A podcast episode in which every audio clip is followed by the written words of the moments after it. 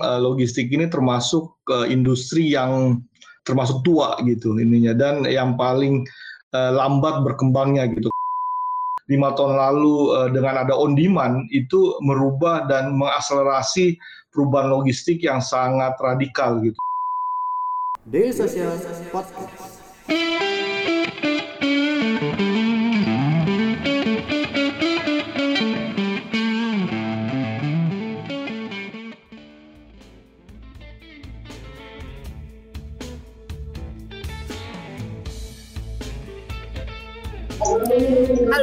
Malam semua. Kembali lagi di event Sasa Startup. Saya Korea Nestia, malam ini bakal memandu sesi ini selama 45 menit ke depan. Nah, seperti biasa, event ini diselenggarakan oleh Daily Sosial, media yang fokus pada inovasi dan informasi seputar teknologi. Dan uh, teman-teman sudah tahu ya, topik yang akan dibahas malam ini yaitu Smart Logistics, Striving for Efficiency with Innovation. Dan topik ini akan kita bahas bersama dengan speaker kita malam ini, Pak Zaldi Masita selaku co-founder dari Paxel. Selamat malam Pak Zaldi. Malam Kori, apa kabar? Pak, sehat Pak? Alhamdulillah. Sehat-sehat. Oke, nah uh, sebelum kita masuk ke diskusinya, mungkin Pak Zaldi bisa perkenalan dulu dan sekalian sharing apa sih itu Paxel untuk teman-teman di rumah yang mungkin belum tahu. Silakan Pak. Ya, uh, terima kasih banyak uh, uh, Kori dan terima kasih juga kepada apa dari uh, Daily Sosial yang sudah mengundang Pexel. Uh, saya Saldi, salah satu co-founder dari Pexel. Uh, kebetulan memang uh, dengan beberapa teman uh, kita start Pexel ini sekitar pertengahan 2017 uh, Pexel uh, memang fokus ke logistik untuk same day delivery, apakah dalam kota dan luar kota. Jadi uh, kita fokusnya memang uh, pengiriman hari yang sama untuk dalam kota dan luar kota. Dan sekarang sudah sampai menjangkau hampir semua kota besar di Jawa, termasuk Denpasar dan juga Makassar. Uh, untuk pro, apa uh, uh, prosesnya di Pexel kita memang base-nya dengan memakai aplikasi. Jadi dari uh, dengan user apps untuk uh, uh, create order, untuk uh, lacak barangnya dan untuk uh, untuk untuk paymentnya. Uh, dengan model dengan memakai smart locker uh, juga mungkin sekarang uh, sangat pas karena di selama selama apa uh, uh, pandemi ini kan kita apa apa uh, di, dianjurkan untuk tidak bertemu langsung gitu kan. Jadi memang dengan pemakaian smart locker ini sangat membantu untuk uh, uh, contactless. Kira-kira apa demikian tentang Pexel. Uh, kalau mungkin dari beberapa teman-teman udah udah download aplikasinya atau udah pernah pakai Pexel uh, uh, di, di di situ kita bisa lihat memang uh, base-nya Pexel itu kita banyak memakai uh, uh, aplikasi. Demikian, Kori. Oke, Pak. Sip. Oke. Nah, Pak, uh, tadi yang udah Bapak banyak mention ya Pak ya soal smart logistik.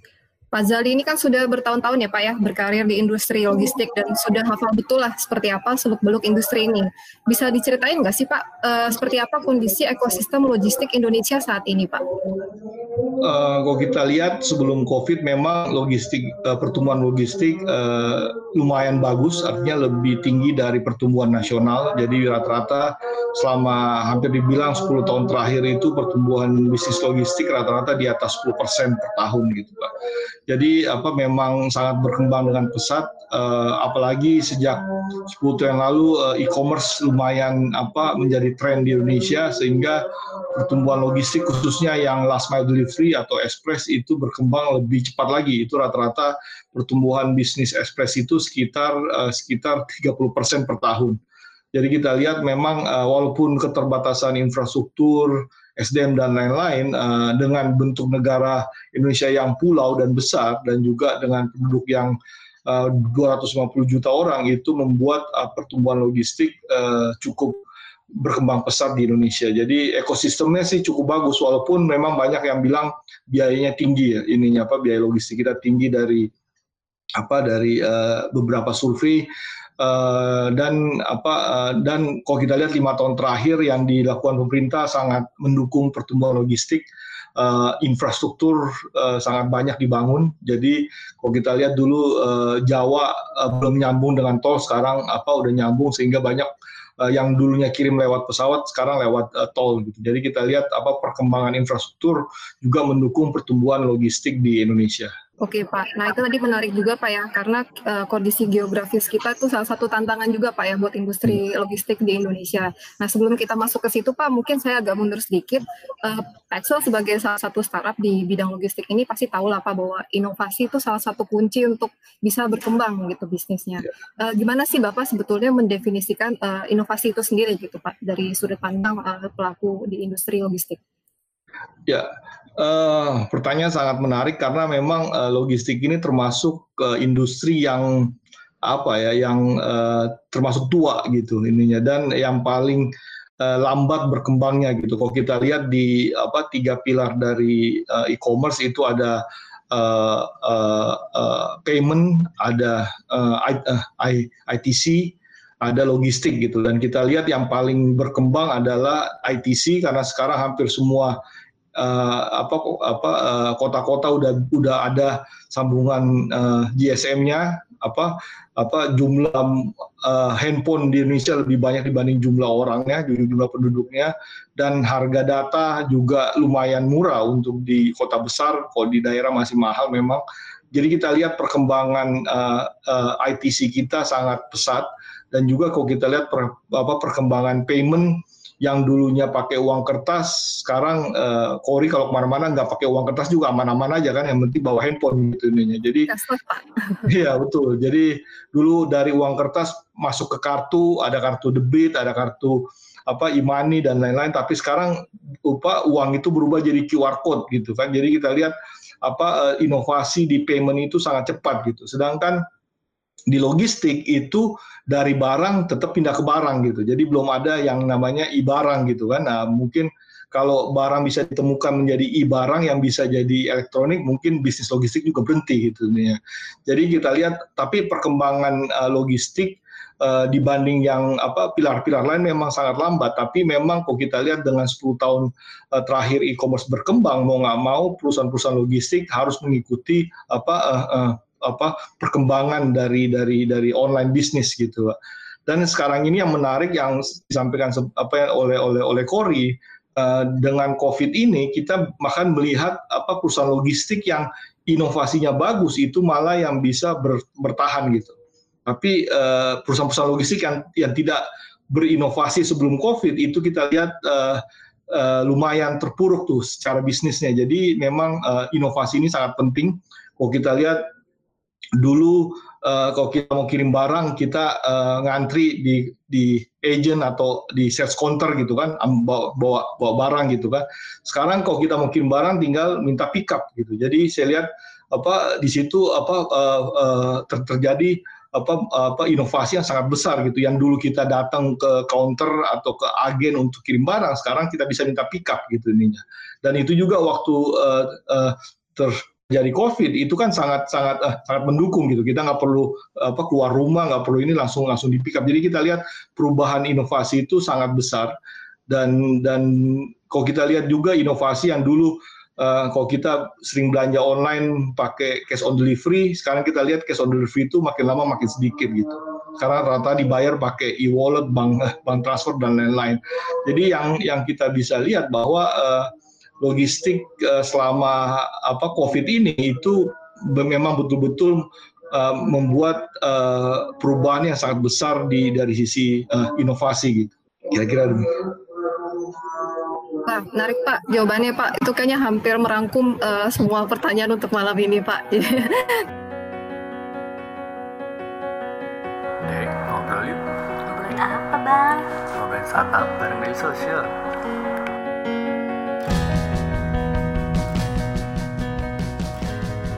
Daily Social Podcast.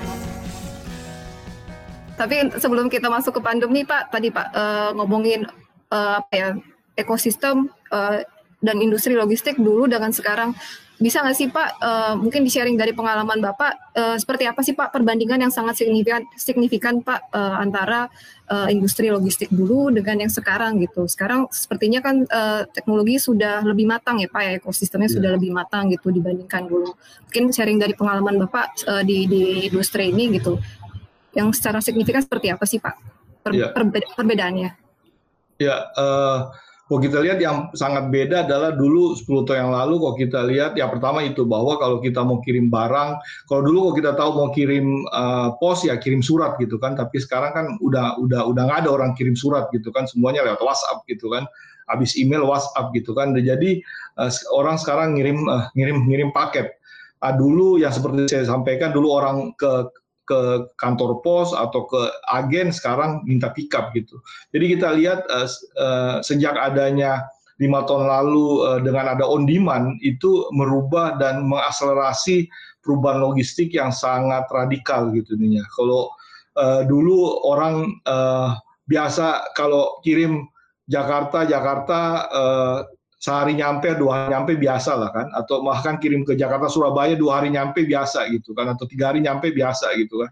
Sekarang kalau Jakarta Jakarta kalau nggak nyampe dua jam oh kok lama banget nih ininya kan. Jadi instan itu apa instan delivery apa merubah semuanya gitu. Apakah bisa di pick up lalu kalau dulu kalau kita apa uh, ngirim barang itu uh, harus ditimbang kalau ngirim instan nggak mau pakai kantong kresek juga oke okay, gitu kan dibawa langsung langsung. Jadi kita lihat apa eh, perubahan-perubahan uh, dengan adanya on demand itu membuat uh, uh, apa uh, uh, shock sih buat di industri logistik. Jadi kalau dulu saya uh, apa sebelumnya kerja di uh, di uh, di JNE uh, sebelum di Pexel itu waktu uh, Gojek Grab mulai dengan uh, on demand-nya on apa gosennya atau Grabspace itu kita nggak menganggap itu sesuatu yang akan mengganggu pasar kita gitu ininya kan. Nah, mungkin ini buat hanya yang orang uh, dompetnya ketinggalan atau apa gitu Arjun. Tapi kita lihat makin lama uh, pasarnya makin besar gitu. Jadi akhirnya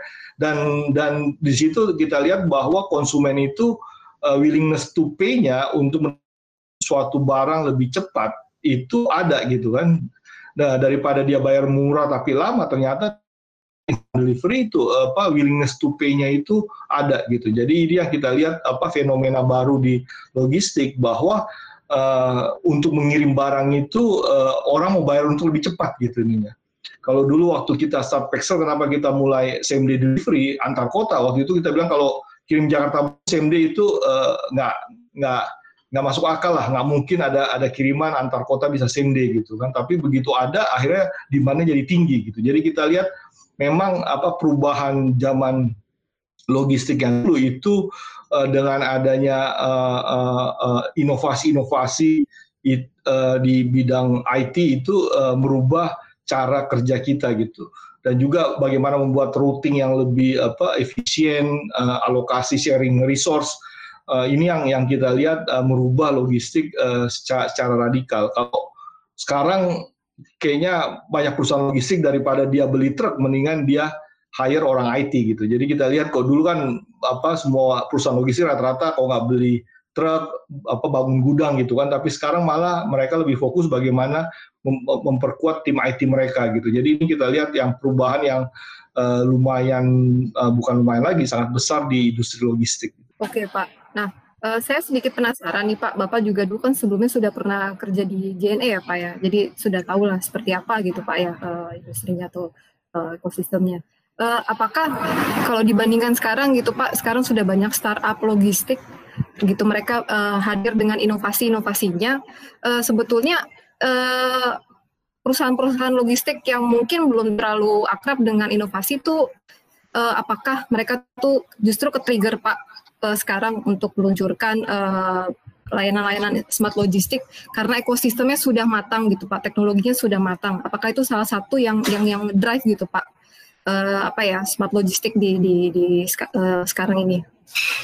Saya, saya rasa yang salah satu mendrive banyak itu uh, dari perubahan uh, perilaku dari dari konsumen gitu. Kalau kita lihat dulu itu uh, logistik B2B-nya yang besar gitu kan, yang antar perusahaan gitu kan, uh, dan kita lihat begitu e-commerce masuk mulai uh, muncul bisnis B2C atau bahkan C2C gitu kan lewat social commerce gitu kan dan ini sebenarnya uh, uh, buat logistik masuk ke B2C atau C2C itu agak agak ribet gitu kan.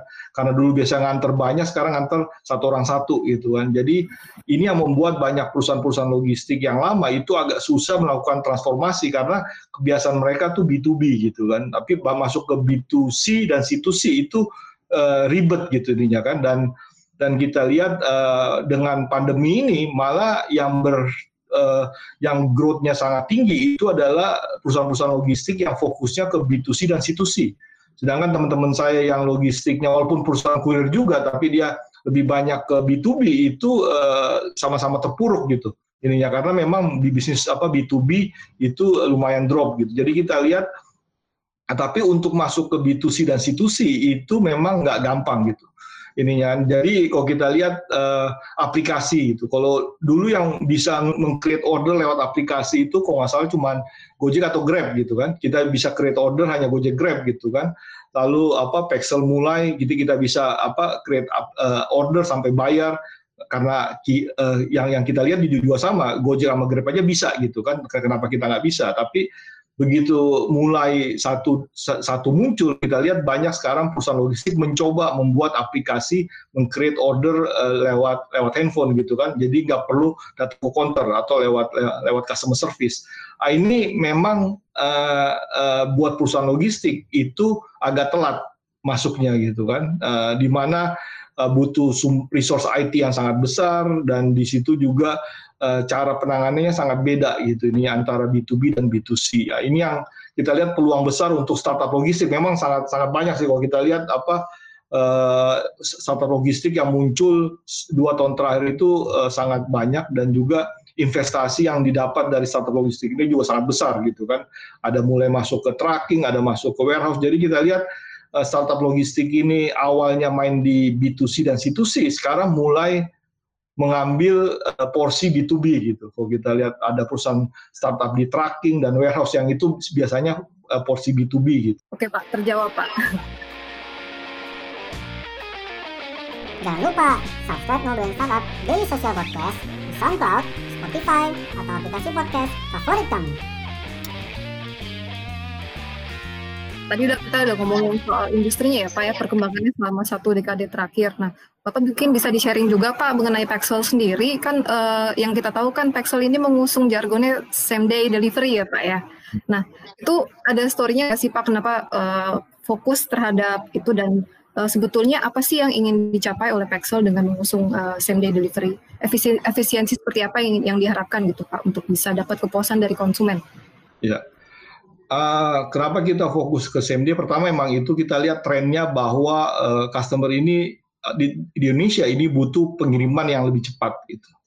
Ininya dan dan kalau kita lihat apa instant delivery itu bisa bertumbuh dengan pesatnya empat tahun terakhir itu kita melihat bahwa memang ada pasar di the, uh, untuk uh, untuk uh, uh, apa proses pengiriman yang lebih cepat tapi kita tahu bahwa instant delivery itu mahal kan. Kalau sekarang apa hitungnya per kilometer wah mahal mahal, mahal benar gitu ininya. Jadi kita lihat ada peluang bisnis uh, untuk bisa membuat uh, proses pengiriman cepat tapi murah gitu.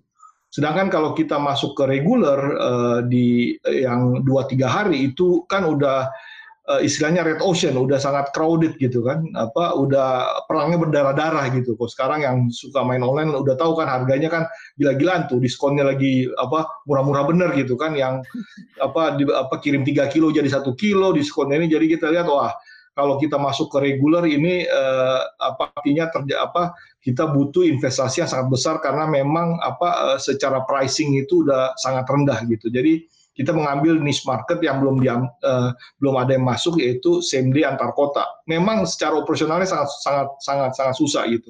Kalau kita lihat dulu waktu kita mulai start itu kalau kita kirim Jakarta Semarang itu kalau kita pakai proses kargo udara biasa itu empat jam sebelum pesawat berangkat itu kita udah harus masukkan barang kita ke airport gitu kan dan dua jam setelah pesawat mendarat itu baru kita bisa ambil gitu. Jadi kita bayangkan naik pesawat Jakarta Semarang itu cuma satu jam lah, kurang satu jam, tapi barang itu ngendon di airport itu uh, jam gitu kan. Jadi udah nggak mungkin nggak mungkin same gitu. Jadi uh, di awal-awal kita berusaha apa nego atau bekerja sama dengan beberapa airline dan waktu itu apa ada satu airline yang sangat mendukung jadi kita bisa mendapatkan proses yang yang cepat. Sejak itu kita bisa lihat bahwa dengan proses same day delivery ini itu malah banyak membantu UKM gitu. Jadi memang kita nggak desain buat UKM, tapi begitu bisa same day delivery uh, antar kota itu UKM yang terutama produk makanan yang mengambil apa mengambil uh, market ini dengan dengan dengan cepat gitu ininya. Berarti tadi Pak yang Bapak mention ya Pak ya, kalau ngambil pasar reguler tuh kayaknya model bisnisnya nggak sustain ya Pak, karena harus subsidi gitu Pak. Dengan ya, betul. yang mahal itu. Iya. Oke. Okay. Uh, Nah itu Pak karena apa ya untuk menuju apa ya kecepatan yang tinggi Pak dalam pengiriman dari Pexel sendiri Pak apa sih yang perlu dipersiapkan gitu Pak untuk memastikan bahwa eh, nggak ada kesalahan gitu Pak atau error dalam sistem gitu Pak? Ah ini nih apa Mbak Kori bahwa uh, sebenarnya kita untuk pengiriman antar kota bisa send itu kita memakai infrastruktur juga dengan aset logistik yang sama yang punya terparti gitu kan.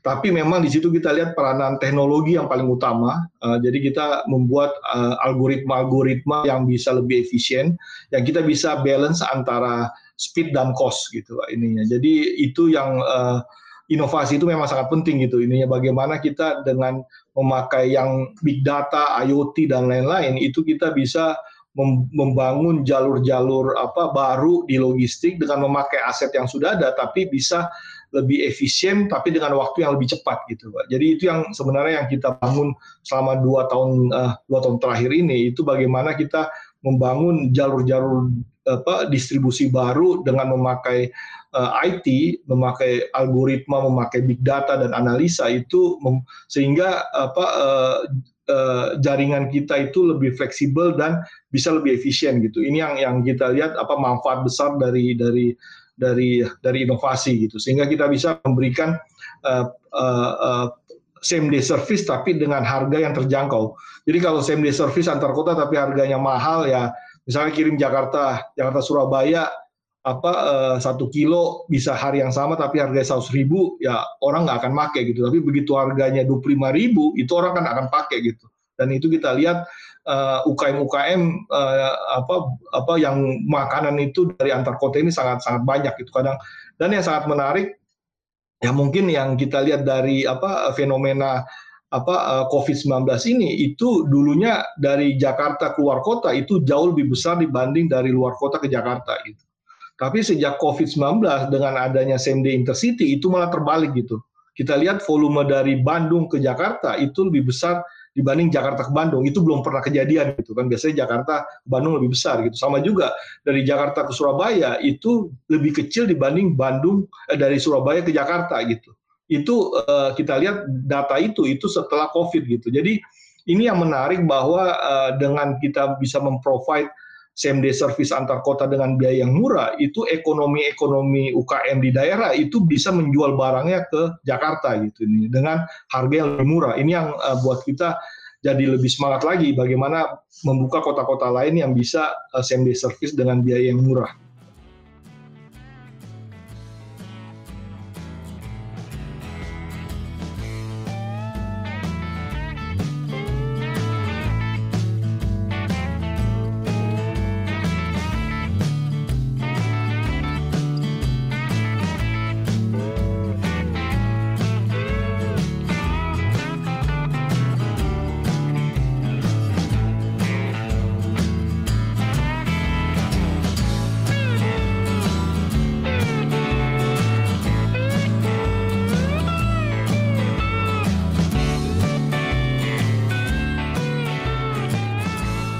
Keep in touch bersama kita di dailysocial.id untuk website kita. Di Facebook kita ada dailysocial.id, di Twitter kita ada @dailysocial dan di Instagram kita ada @dailysocial.id. Di LinkedIn kita ada Daily Social dan di YouTube kita ada Daily Social.